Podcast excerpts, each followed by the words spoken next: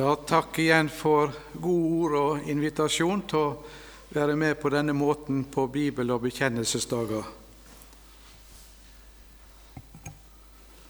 Bibeltime på torsdag kveld, bibelforedrag i dag. Bibelens inspirasjon og autoritet sammen med to spørsmål som hver for seg kunne stått som emne for foredrag også.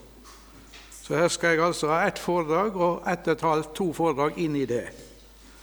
Så det er et stort og veldig omfattende emne, et viktig emne, et alvorlig emne, som er av den aller største betydning for vår tru og vårt liv med Gud. De har fått utlevert et ark med en slags disposisjon jeg er ikke sikkert jeg føler alt det, fordi at den var trykt opp før jeg begynte å korte ned igjen. Og så har jeg litteratur på baksida. Ja, vi ba i denne salmen ei bønn, og nå la oss fortsette med det.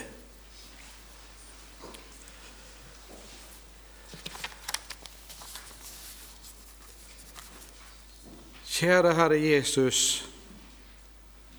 Vi ber om at du vil gjøre dette til et samvær der vi er for ditt åsyn, Herre. Vil du nå velsigne denne stunda, at vi kunne få om mulig et nytt syn på hva vi har i Bibelen, hvor dyrebart ditt ord er. For ditt eget navns skyld, Jesus, ber vi om det. Amen.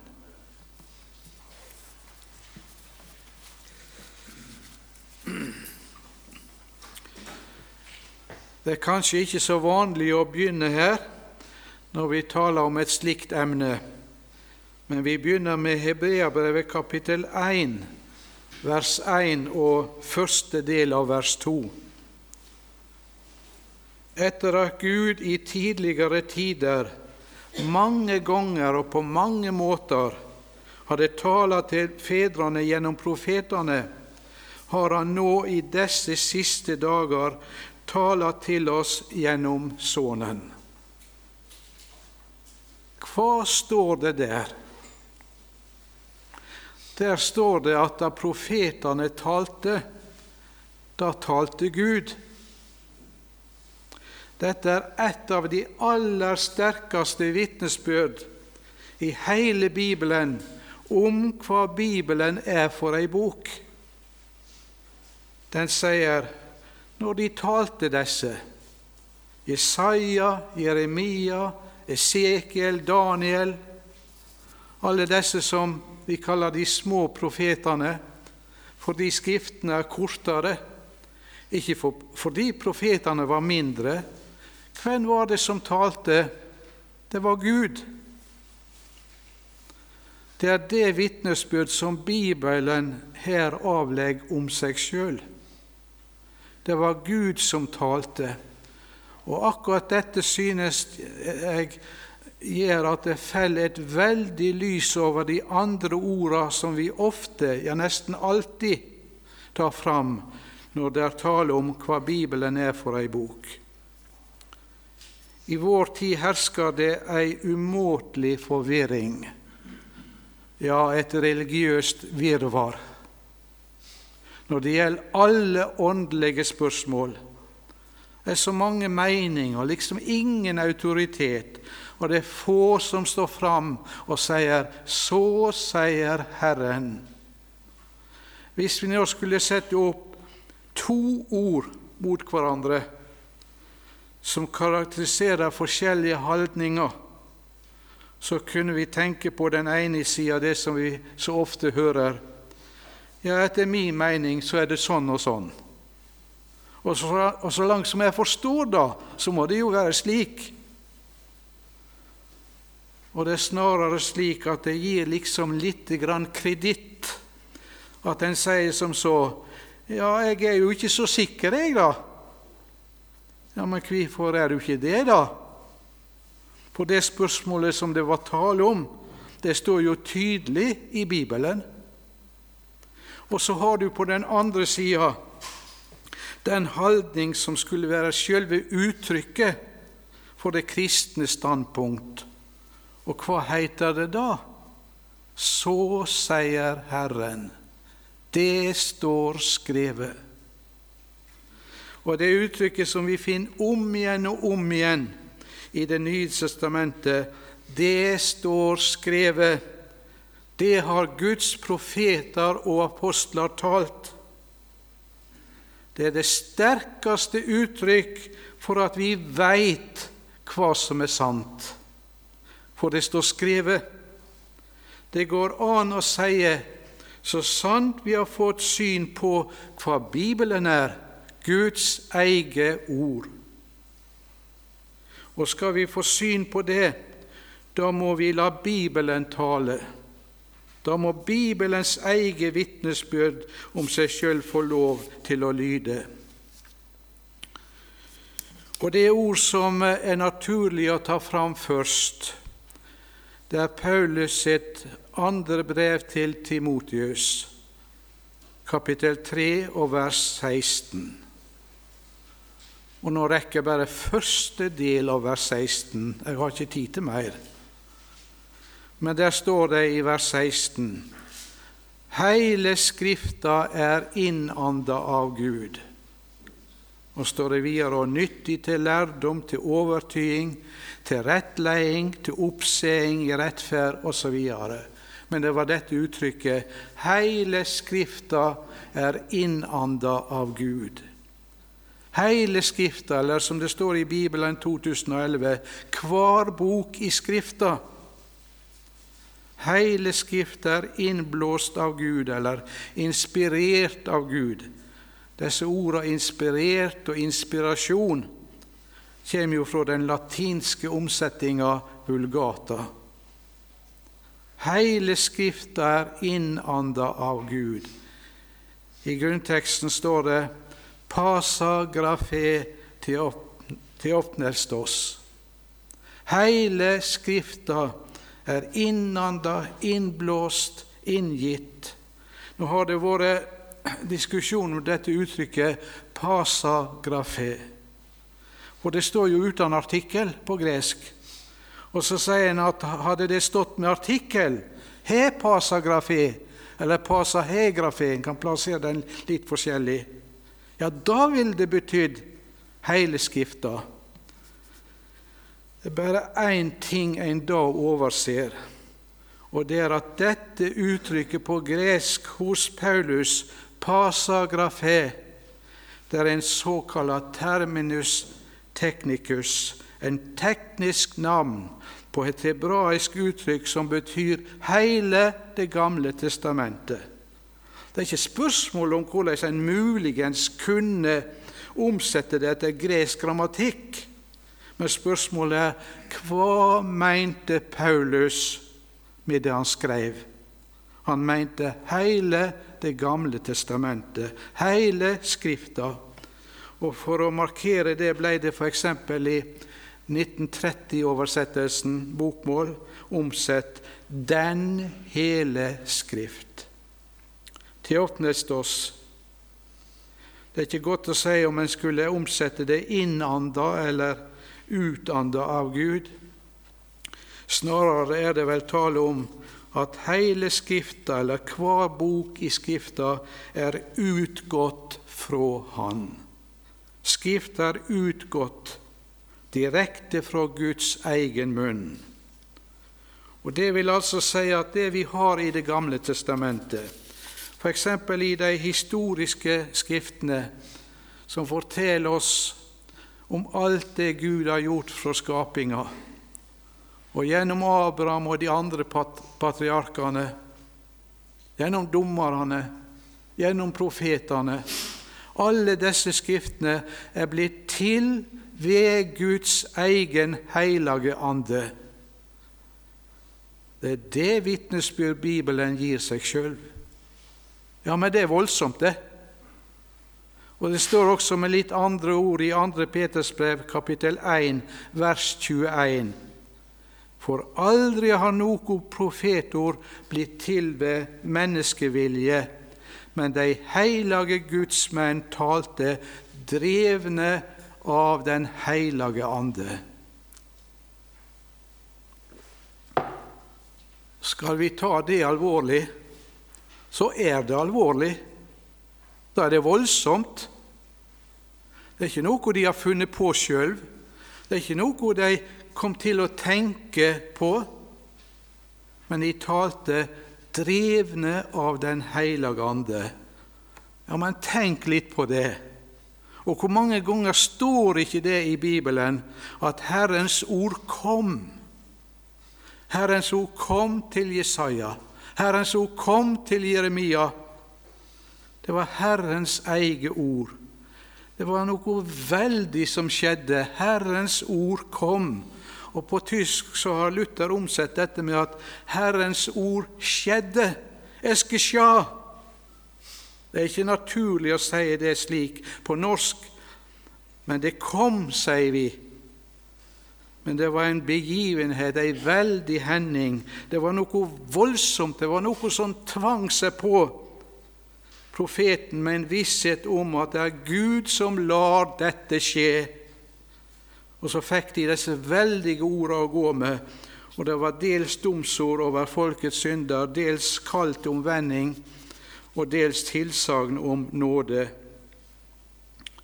Men det kom til profeten. Det var noe som overveldet han. Det skjedde en voldsom ting. Guds ord kom.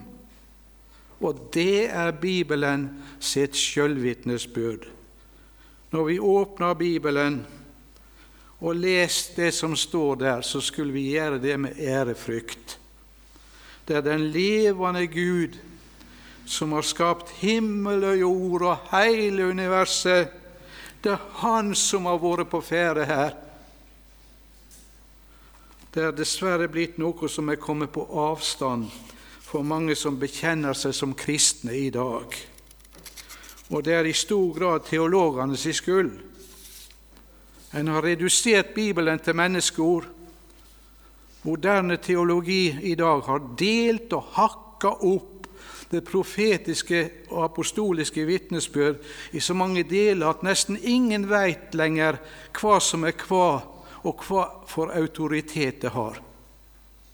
Bibelen får ikke være for oss det som den skulle være. Når du leser moderne teologi, så får du inntrykk av ja, det blir jo sagt rett ut at det er mennesket sine tanker om Gud som vi finner i Bibelen. Men sjøl sier Bibelen det er Guds tanker om oss. Det er Guds tanker til oss. Bibelens inspirasjon det at Guds egen ande var virksom og kom til profeter og apostler en veldig tanke. Bibelen er blitt til ikke ved noe menneske sitt initiativ, men den er blitt til ved at de hellige Guds menn talte og skrev, drevne av Den hellige ande. Når det så gjelder Det nye testamentet, der er det jo andre som taler da. Der er det apostler og evangelister som taler til oss. Men hvordan skal vi nå tenke om apostlene? Hva skal vi tenke om Paulus? Ja, Da vil jeg først minne om det som står i Johannesevangeliet kapittel 14 og vers 26. Der taler Jesus den siste kvelden han var sammen med disiplene sine, og så sier han, men talsmannen, Den hellige ande, som Faderen skal sende i mitt navn, han skal lære dykk alle ting og minne dykk om alt det som jeg har sagt dykk. Ja, Der brukte tidligere professor i Det nye testamentet ved Menighetsfakultetet i Oslo, Sverre Aalen, og sier at her autoriserer Jesus sine apostler til å tale på hans vegne. De skal tale på hans vegne. Det er en autorisasjon, altså. Det er akkurat som du kan tenke deg at sjefen i et stort firma kaller en mann inn på sitt kontor, og så gir han han fullmakt til å gå og ordne ei bestemt sak, kanskje ei vanskelig sak. Og Da går han av sted med fullmakt. Og når han har denne fullmakta og er autorisert av sjefen, så er det akkurat som sjefen kom, for han har fullmakt. Og det er det som er det underlige da ved Det nye testamentet.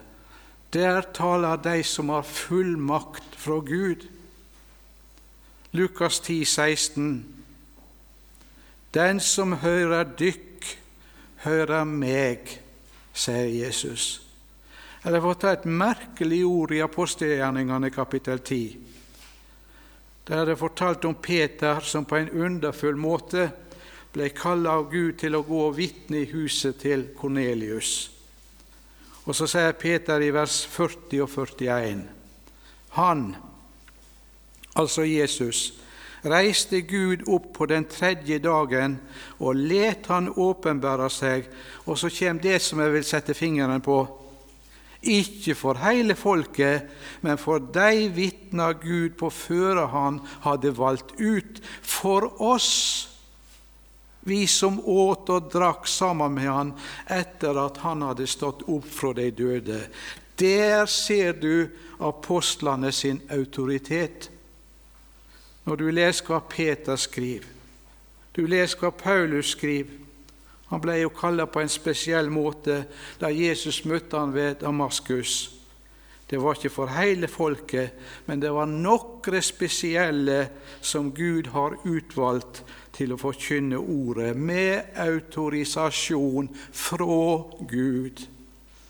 Når du hører en apostel, så hører du Gud. En apostel er Jesu Kristi munn når han taler.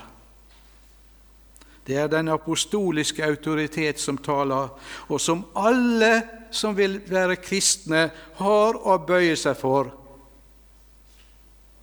Den apostoliske autoritet er i hovedsak i den tid som vi nå lever i.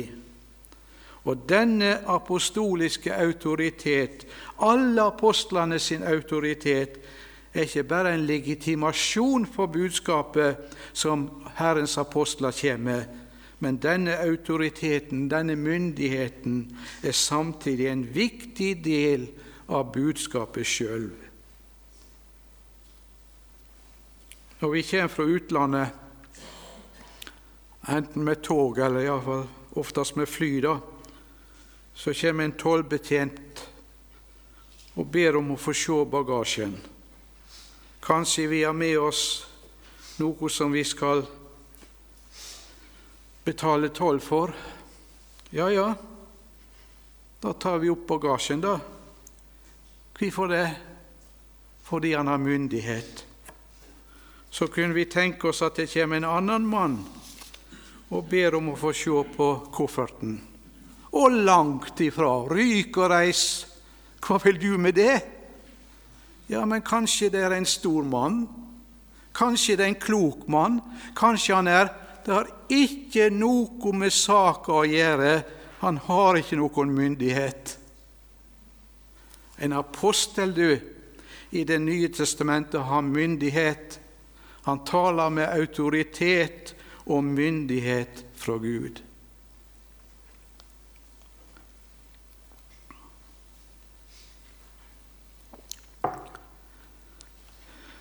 Det er tre saker jeg vil utdype litt i punkt tre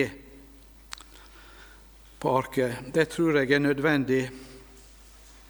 Først dette med Bibelens inspirasjon. At dens budskap er gitt gjennom mennesket ved Den hellige ande. Når vi taler om Bibelens inspirasjon, så er det ikke å kunne forklare den, aller minst å kunne gi en teori om den. Hvem kan gi en teori? Alle teorier om Bibelens inspirasjon, de er farlige. For da står vi i fare for å sette oss opp som en autoritet over Skrifta.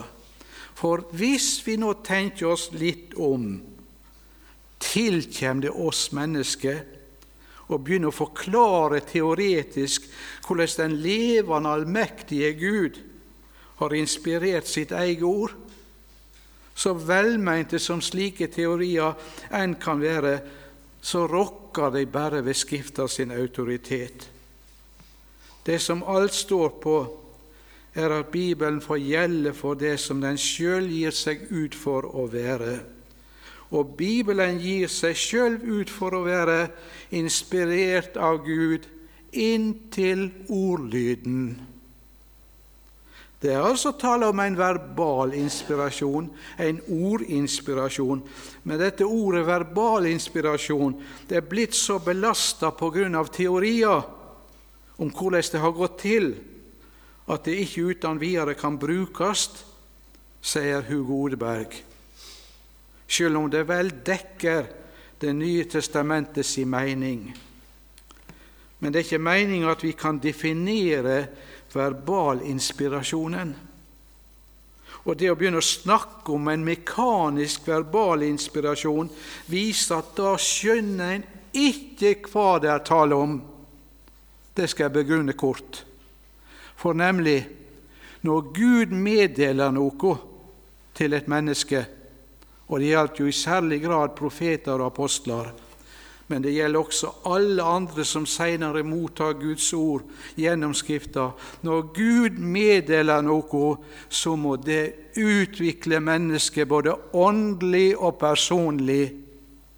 Det blir ikke noe mekanisk, nei. Så Bibelens inspirasjon er i høy grad personlig. De ulike bibelske forfatterne preger Skriftene med sin individualitet profeter og apostler var ikke viljeløse penneskaft uten egne tanker. Vi leser jo f.eks. at Lukas han granska og undersøkte i de kjeldene han kunne finne. Du ser det i Lukas 1, 1 og utover. Men når han og de andre talte og skrev, da kom de med autoritet fra Herren sjøl. Og Dermed er jeg over på det andre i dette punkt tre. Gud bruker mennesket. Derfor er Bibelen et gudmenneskelig ord, og det skulle vi takke og prise Gud for. Men det har ikke jeg tid å gå nærmere inn på. Men alt sammen er menneskelig, for det var mennesket som skrev. Og de skrev ikke etter mekanisk diktat, men de brukte sine evner og tanker. Alt er samtidig guddommelig, for det var Guds ånd som dreiv disse til å tale og skrive. Guds ord er disse mennesker ord, og disse mennesker sine ord er Guds ord. Dermed går det ikke an å tale om at Skrifta har ei guddommelig side og ei menneskelig side. Jo, det er det mange som snakker om i dag. Du, det som angår den menneskelige side ved Skrifta, det har bare med avskrifter og håndskrifter og forskjellige slags overleveringer og den slags ting å gjøre. Det har ikke med teksten slik den er gitt fra første av. Og det har ikke med det som står skrevet, å gjøre. Det er med dette som er Jesu person. Jesus er Gud, menneske. Han er Guds inkarnerte ord. Å se Jesus, det er å se Gud. Og på samme måte er det her. Skrifta er et gudmenneskelig ord. Den som ser og leser og hører Bibelen, han har for seg Guds egen personlige tale. Det er altså ingen guddommelig og menneskelig side ved sjølve Skrifta som sådan, for Guds ord er som sagt ikke én ting, og de bibelske forfattere sine ord en annen ting. Men det som disse sier, det som de skriver, det er det som er Guds ord. Hugo Odberg skriver at sier en at noe er guddommelig og noe er menneskelig i Skrifta, så bygger en ikke lenger på Det nye testamentet. Og så det tredje når det gjelder bibelsyn. Det som, står, det som alt står på, er at det som Bibelen sier om seg sjøl, at det får lov å gjelde for meg. Nå er det mange som har undra seg, iallfall de som har lest det, da, har undra seg over og stussa over at Øyvind Andersen, og også delvis Hugo Odeberg, kan si det at 'jeg har ikke noe bibelsyn'. Det er farlig å ha et bibelsyn. Det er mange som rister på hodet da. Ja, de får bare riste videre. Hva mente hva mente Øyvind Andersen og Hugo Odeberg? Hvorfor er det farlig? Jo, da har en sett seg opp som en autoritet over Skrifta. Sjølve den ting at en stiller seg i et bedømmende forhold til Bibelen, enten det er negativt eller positivt, gjør at en da har sett seg opp som en autoritet over Bibelen. Vel, det å snakke om ulike bibelsyn, det må vi gjøre det i en del sammenhenger. Det er helt nødvendig, og det var slik Torbjørn Johansson gjorde det i går. Så det er ikke en motsetning mellom det han sa i går, og det jeg sier nå. Men likevel, når vi begynner å snakke om mitt bibelsyn, om vårt bibelsyn, så ligger det en stor fare der for hva er det for noe? Vi kan da ikke begynne å bedømme Bibelen. Saka er jo hva sier Bibelen om seg sjøl? Det er poenget. Og for igjen å sitere Hugo Odeberg vårt eget private syn har ingen, på Skrifta har ingen betydning. Vi har bare å gjøre med det grunnleggende faktum at Skrifta sjøl sier at den er Guds ord. Og det synet ønsker jeg å lytte til og tilegne meg og vitne om. Det synet, om jeg kunne si at jeg har et syn på Bibelen, det må den sjøl skape hos meg og i meg. Jeg kan ikke ha noe annet syn på Bibelen enn det Bibelen sier om seg sjøl, og det er jo egentlig ikke mitt syn. Det vil jeg ikke ha. I Bibelen er det nemlig Gud som taler. Og når Gud taler, så er det først og fremst grunn til å teie, bokmål tie, og lytte. For det er i dette lyttende forholdet til Skrifta at Bibelen blir åpenbæra, nemlig for de umyndige, de som ikke har noe de skal ha sagt og for Jesus og Guds ord. Matteus 11, 25. Det er dette som en sa en gang om tidligere misjonær Nils Sjelåen. Han har ikke noe bibelsyn. Han har bibelhørsel, og det er sjølve saka, det.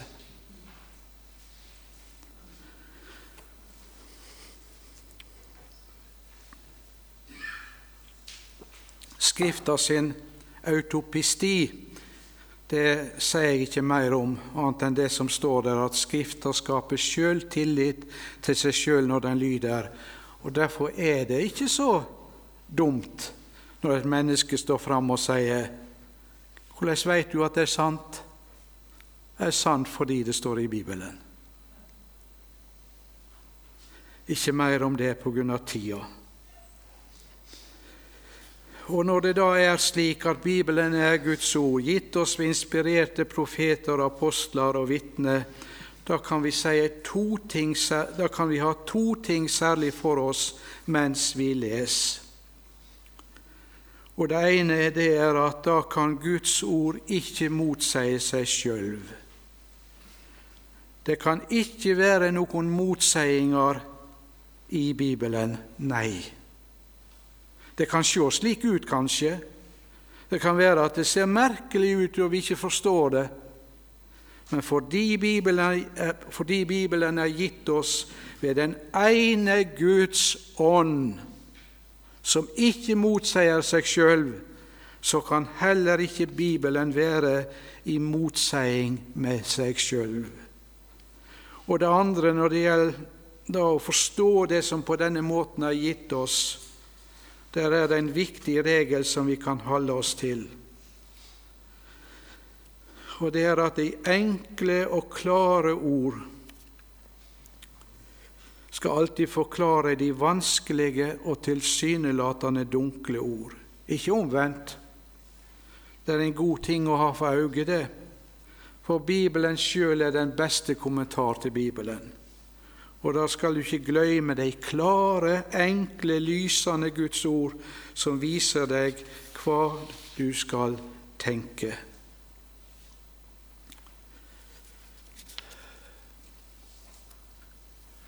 Feil i Bibelen det hadde jeg ikke tenkt å ta uansett, for det ble for lenge. Dessuten så fikk de svaret egentlig i går ved det Torbjørn Johansson sa. Så de får gå inn og høre på hva han sa i går. Er Bibelen tidsbestemt? Punkt 6. Salme 119, vers 89. Til evig tid, Herre, står ditt ord fast i himmelen. Guds ord står fast i himmelen. Her på jorda er det mye som skifter, blir forandra, men Guds ord er ikke underlagt forandringer i tida. Jesus sier i Markus 13, 31, Himmel og jord skal få gå, men mine ord skal slett ikke få gå som jeg var inne på i bibeltimen torsdag kveld. Fordi Jesus sjøl er Herren, så er hele Skrifta, alle ord i hele Skrifta, fra det første i Første Mosebok til det siste ord i Johannes' åpenbaring, det er egentlig Hans ord. Og om alle disse ord sier da Jesus at de vil aldri få gå. De vil bestå også i den himmelske verden. Og i Johannes' åpenbaring kapittel 14 vers 6 der er det tale om en engel som hadde et evig evangelium å forkynne for de som bor på jorda, altså slike som du og jeg, for alle nasjoner og etter tungemål og folk. Merk at det er den eneste staden i Skrifta der uttrykket 'et evig evangelium' blir brukt, men sjølve saka blir ofte framheva i Bibelen. Er Bibelen tidsbestemt? Du har fått svaret. Men nå er jo denne boka med 66 ulike bøker blitt til gjennom en periode på vel 1500 år fra Mosetid fram til apostlene sine dager. Og Skrifta ber jo preg av at den er skrevet i et bestemt folk, i en bestemt kultur, og av at Gud har brukt, brukt høgst ulike mennesker til å formidle sitt ord. Men Bibelen er likevel ikke tidsbestemt i den betydning at budskapet er produkt av den tid dette ble skrevet. Det er vi som bor på jorda. Det er vi som bibellesere som er tidsbestemt, og i langt større utstrekning enn vi er klar over. Og Det er altså problemet når vi har med Skrifta å gjøre og Derfor har vi også de største vansker med å ta imot de deler av Skrifta sitt budskap som klarast går på, som klarast går på tvers av vår tids motetenking, eller skulle jeg si vår tidsbestemte motetenking. Men alt er ikke sagt med det. Vi må faktisk skjelne mellom det tidsbestemte og det tidløse i Bibelen, nemlig fordi Bibelen sjøl gjør det. Men vi kan ikke begynne å oppkaste oss til dommere og begynne å sortere bort noe i Skrifta. Hva som er tidsbestemt og hva som er tidløst i Bibelen, det må den sjøl fortelle oss. Og Nå skal jeg nevne noen eksempel. En hel del forordninger i Det gamle testamentet, f.eks. ordningene i tempelet. Det er tidsbestemt. Det gjaldt for ei bestemt tid, ei viss tid. For det forteller Bibelen sjøl oss. Likevel er disse tidsbestemte ord Guds ord til oss og har et budskap til oss i dag. Jeg har et lite minne jeg må ta fram. Jeg var fra den tida jeg var lærer i ungdomsskolen, og da hadde vi et fag som heter kristendomskunnskap. I min pensumliste har jeg alltid med offertjenester i Det gamle testamentet, der elevene lærte alt om tabernaklet og alt som hadde med det å gjøre. Og det var pensum. Og når elevene trekte lappen med dette på eksamensdagen, så jubla de, for det kunne de. Og Jeg husker en det var borte på Vomsund ungdomsskole. Det er rett nesten nesten der renner i hop.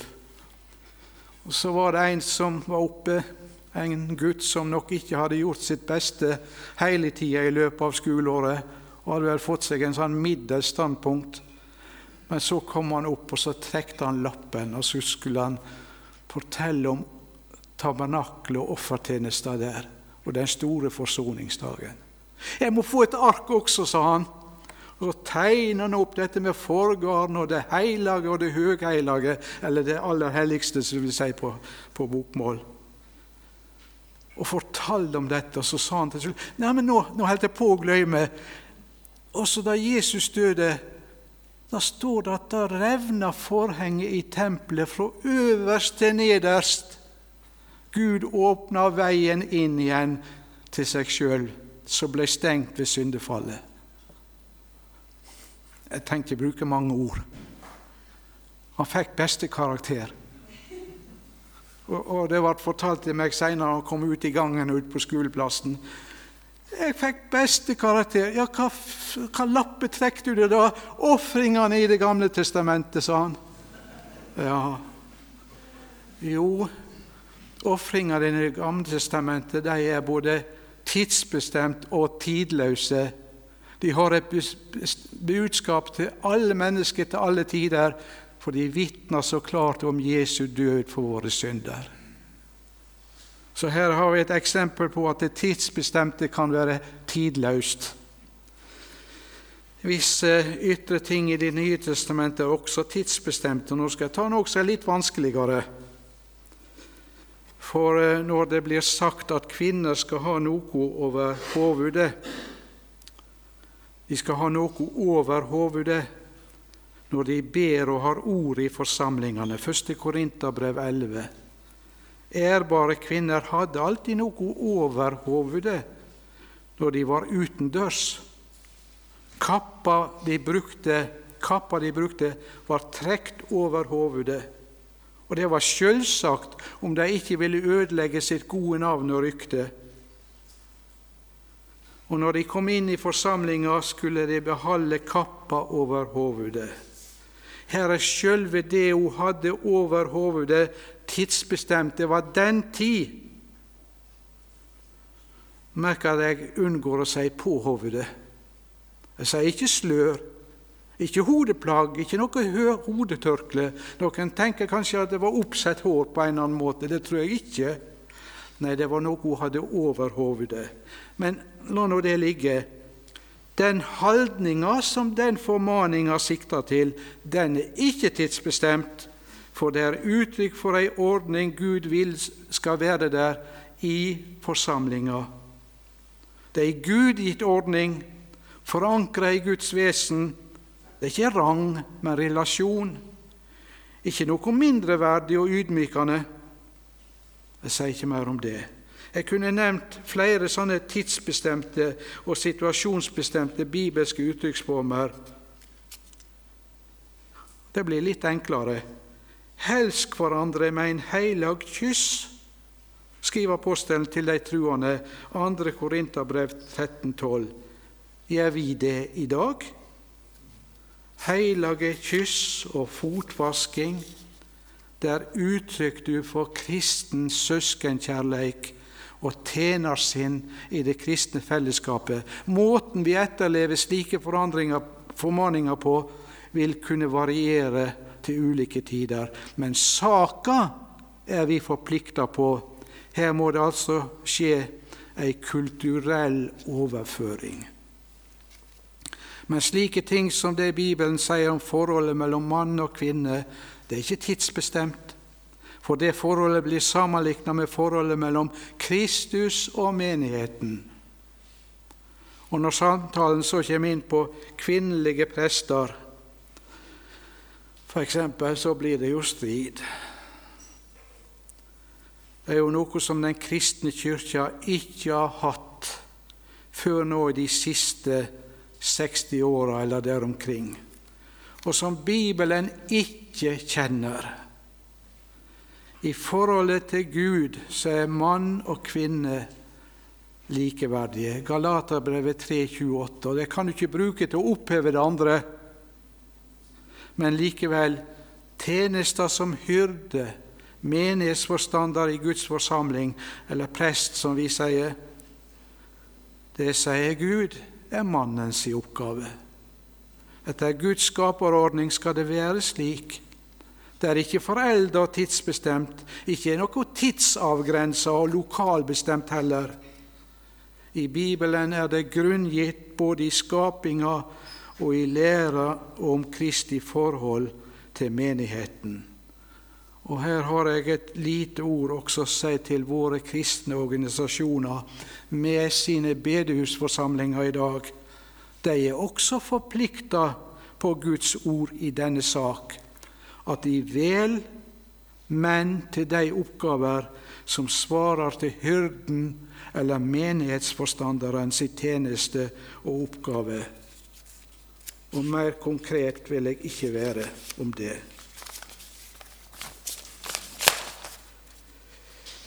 Punkt sju. Punkt sju. Hva skjer når deler av Skrifta hvor den er. Hva skjer når deler av Skrifta blir fornekta? Og da kommer jeg til å peke på en del ting som vi er midt oppe i i dag, og det er veldig vanskelig. Vi kommer til å snakke om mennesker som går på veier i strid med Guds ord. Og da må jeg aller først bare få minne om én ting. Menneskeslekta har vendt seg bort fra Gud. Og I Romerbrevet 3,9 blir det talt om at vi er alle sammen under synd. Og Det betyr veldig kort at Gud så å si har plassert oss alle på bunnen, bokmål på bunnen da står vi nemlig alle likt, og da kan ingen se ned på andre. Aldri skal du og jeg, når vi står overfor et annet menneske, uansett hva dette mennesket enn har gjort og gjør, tenke at dette mennesket har mer bruk for Guds nåde enn meg.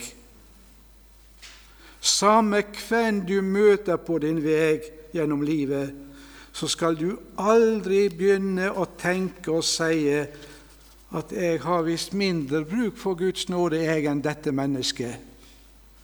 Vet du hva som er i ferd med å skje da? Det er det fariseeren i ditt eget hjerte som har begynt å røre på seg, og ganske kraftig. Nei, aldri skal vi komme dit hen at vi tenker at andre mennesker har mindre, har mer bruk for Guds nåde enn meg. Og da kan vi begynne på punkt sju. Hva skjer når deler av Skrifta blir fornekta? Blant de som ville kalle seg kristne, har det tidligere stort sett vært semje om de moralske hovedspørsmåla. Men nå er situasjonen blitt slik at ganske åpent blir bibelske bud og formaninger erklært for å være forelda og oppheva. En hevder et moralsk syn og en moralsk praksis som er i strid med Skrifta. Deler av Skrifta blir fornekta, ja, forkasta. En gjør Bibelen bare halvt troverdig, og knapt nok det. Når en i dag i Guds navn kan innføre og så forsvare ubibelske ordninger i kyrkja, enten det er Den norske kyrkja eller andre kyrkjer og kyrkjesamfunn, vi har fått to likestilte syn på ekteskap i kyrkja, som om det er mulig. To likestilte syn. Samkjønna, likekjønna ekteskap, likekjønna vigsel og liturgi, og det siste nå, samlivsform, skal ikke vektlegges ved tilsetting av prester i kyrkja. Hva er det som skjer? Når ei kyrkje innfører slike ubibelske ordninger, så krenker en Guds skaperplan.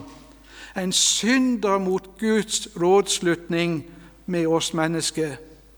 Og i dette lys blir den kirkelige og teologiske og åndelige situasjonen i dag umåtelig alvorlig. Her er, her er, det altså ikke bare tale om synd mot Guds bud og fall og nederlag. Men her er det tale om falsk lære på det moralske området, etisk vranglære, og det er noe annet og mer. Luther har forklart oss hva vranglære er. Ei villfaring som en hardnakka held fast ved i strid mot Den heilage Skrifta. Og villfaringa bort fra Skrifta må kallast vranglære, enten det er trua eller livsførselen sine saker det dreier seg om. I dag er det tale om en ny etikk som breier seg i kristenheten, og dermed ei ny tru, ei ny gudstru, en ny religion, en folkereligion der nemlig den hellige Gud blir borte, og dermed også den kjærlige og nådige Gud, sånn som Bibelen taler om det. For evangeliet er ikke hva som helst trøstelig tale om Guds nåde. Og i dag blir det talt mye om Guds nåde rundt om, som ikke har det minste med Guds ord å gjøre. Og jeg tenker på hva Rosenius skrev for vel 150 år siden, og det er dessverre enda mer sant i dag. Utallige er de mennesker som med ei eller anna tru på Guds nåde har gått inn i den evige fortaping. Djupere sett det er sjelefienden, djevelen, som er ute, og så kommer falske profeter og falske messiaser i 1. Timotius brev 4.1 taler apostelen om forførende ånder og djevlers lærdommer. Det er hva vi har om oss nå. Når prester og biskoper ikke veit hva som er hva når det gjelder ting som Bibelen taler så klart om, eller når de til og med står fram og sier det stikk motsatte av det Bibelen sier i disse tinga. Hva er det for noe? Det er forførende ånder og djevlers lærdommer, hvis vi skal tro Bibelen.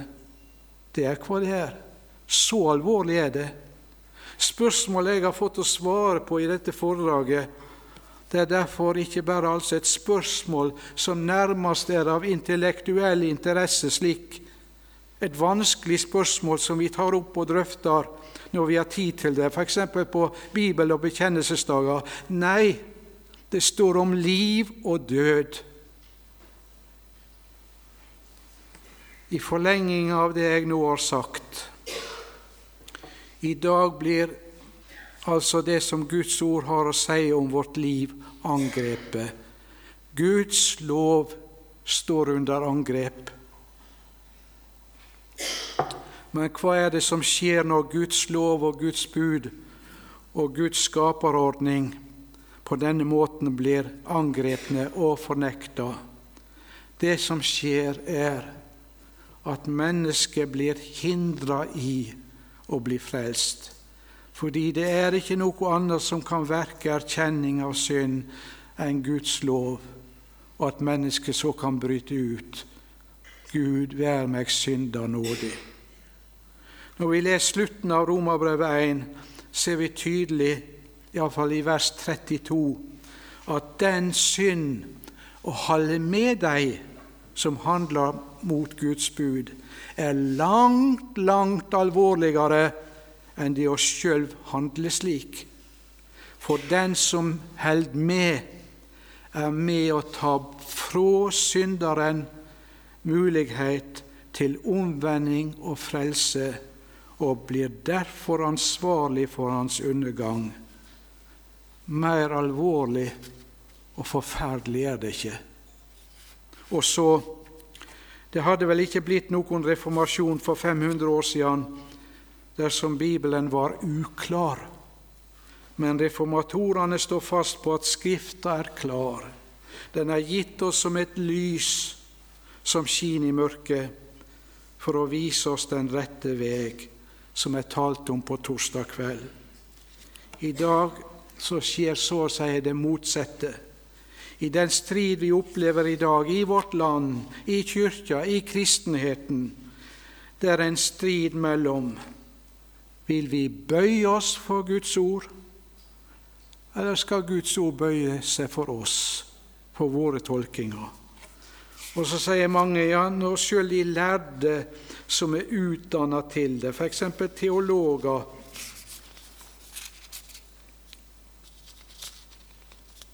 F.eks.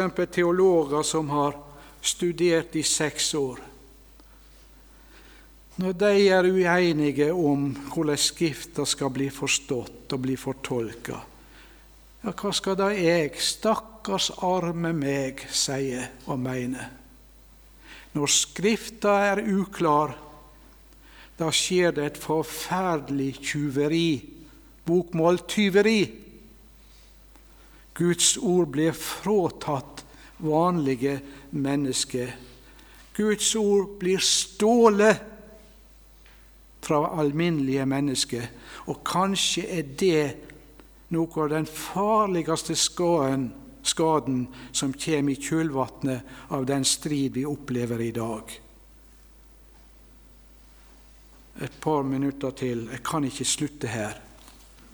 Jeg må få ta fram et lite ord av, om, som Martin Luther har sagt, som jeg synes er godt.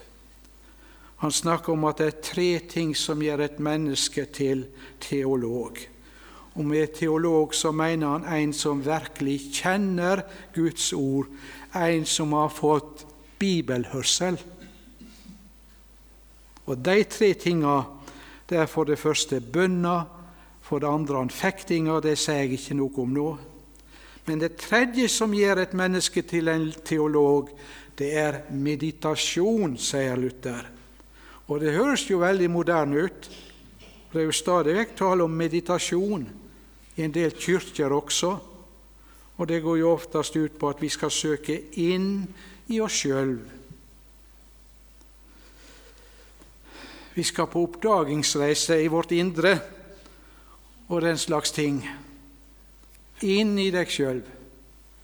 Hva mener Luther med å meditere? Studere Bibelen. Ja, studere Bibelen.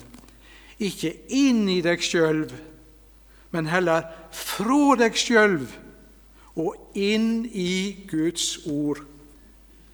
Så Guds ord får tale til oss og gjør oss til det som vi er i oss sjøl, nemlig fortapte syndere i oss sjøl, og så viser oss Jesus som er død for syndere. Om det fins noe liv i meg, dødelige menneske, så er det Ordet som er liv i meg. Fins det noe liv i ei Guds forsamling, så er det Guds ord som er livet der. Måtte derfor apostelen Paulus sitt ord til forsamlinga i Tessalonika også være sant om oss. Det finner du nederst på arket. Derfor takker vi alltid Gud for dette, da de fikk det ordet vi forkynte, tok de imot det, ikke som menneskeord, men som det i sanning er, som Guds ord, som verker med kraft i de som tror.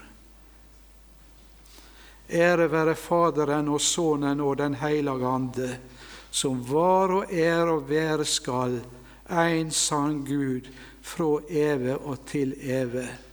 Amen.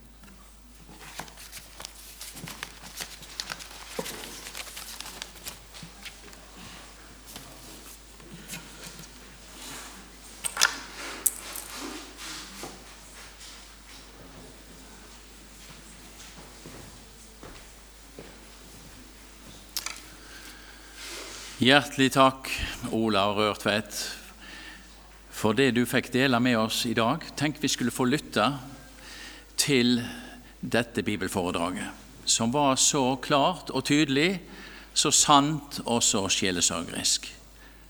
Vi takker. Og vi takker Gud fordi vi skal få være sammen nettopp på denne måten, og Hans ord skal få lov å nå inn til oss. Det er vår bønn. Vi skal straks ha en pause, men vi har vår kjære daglige leder i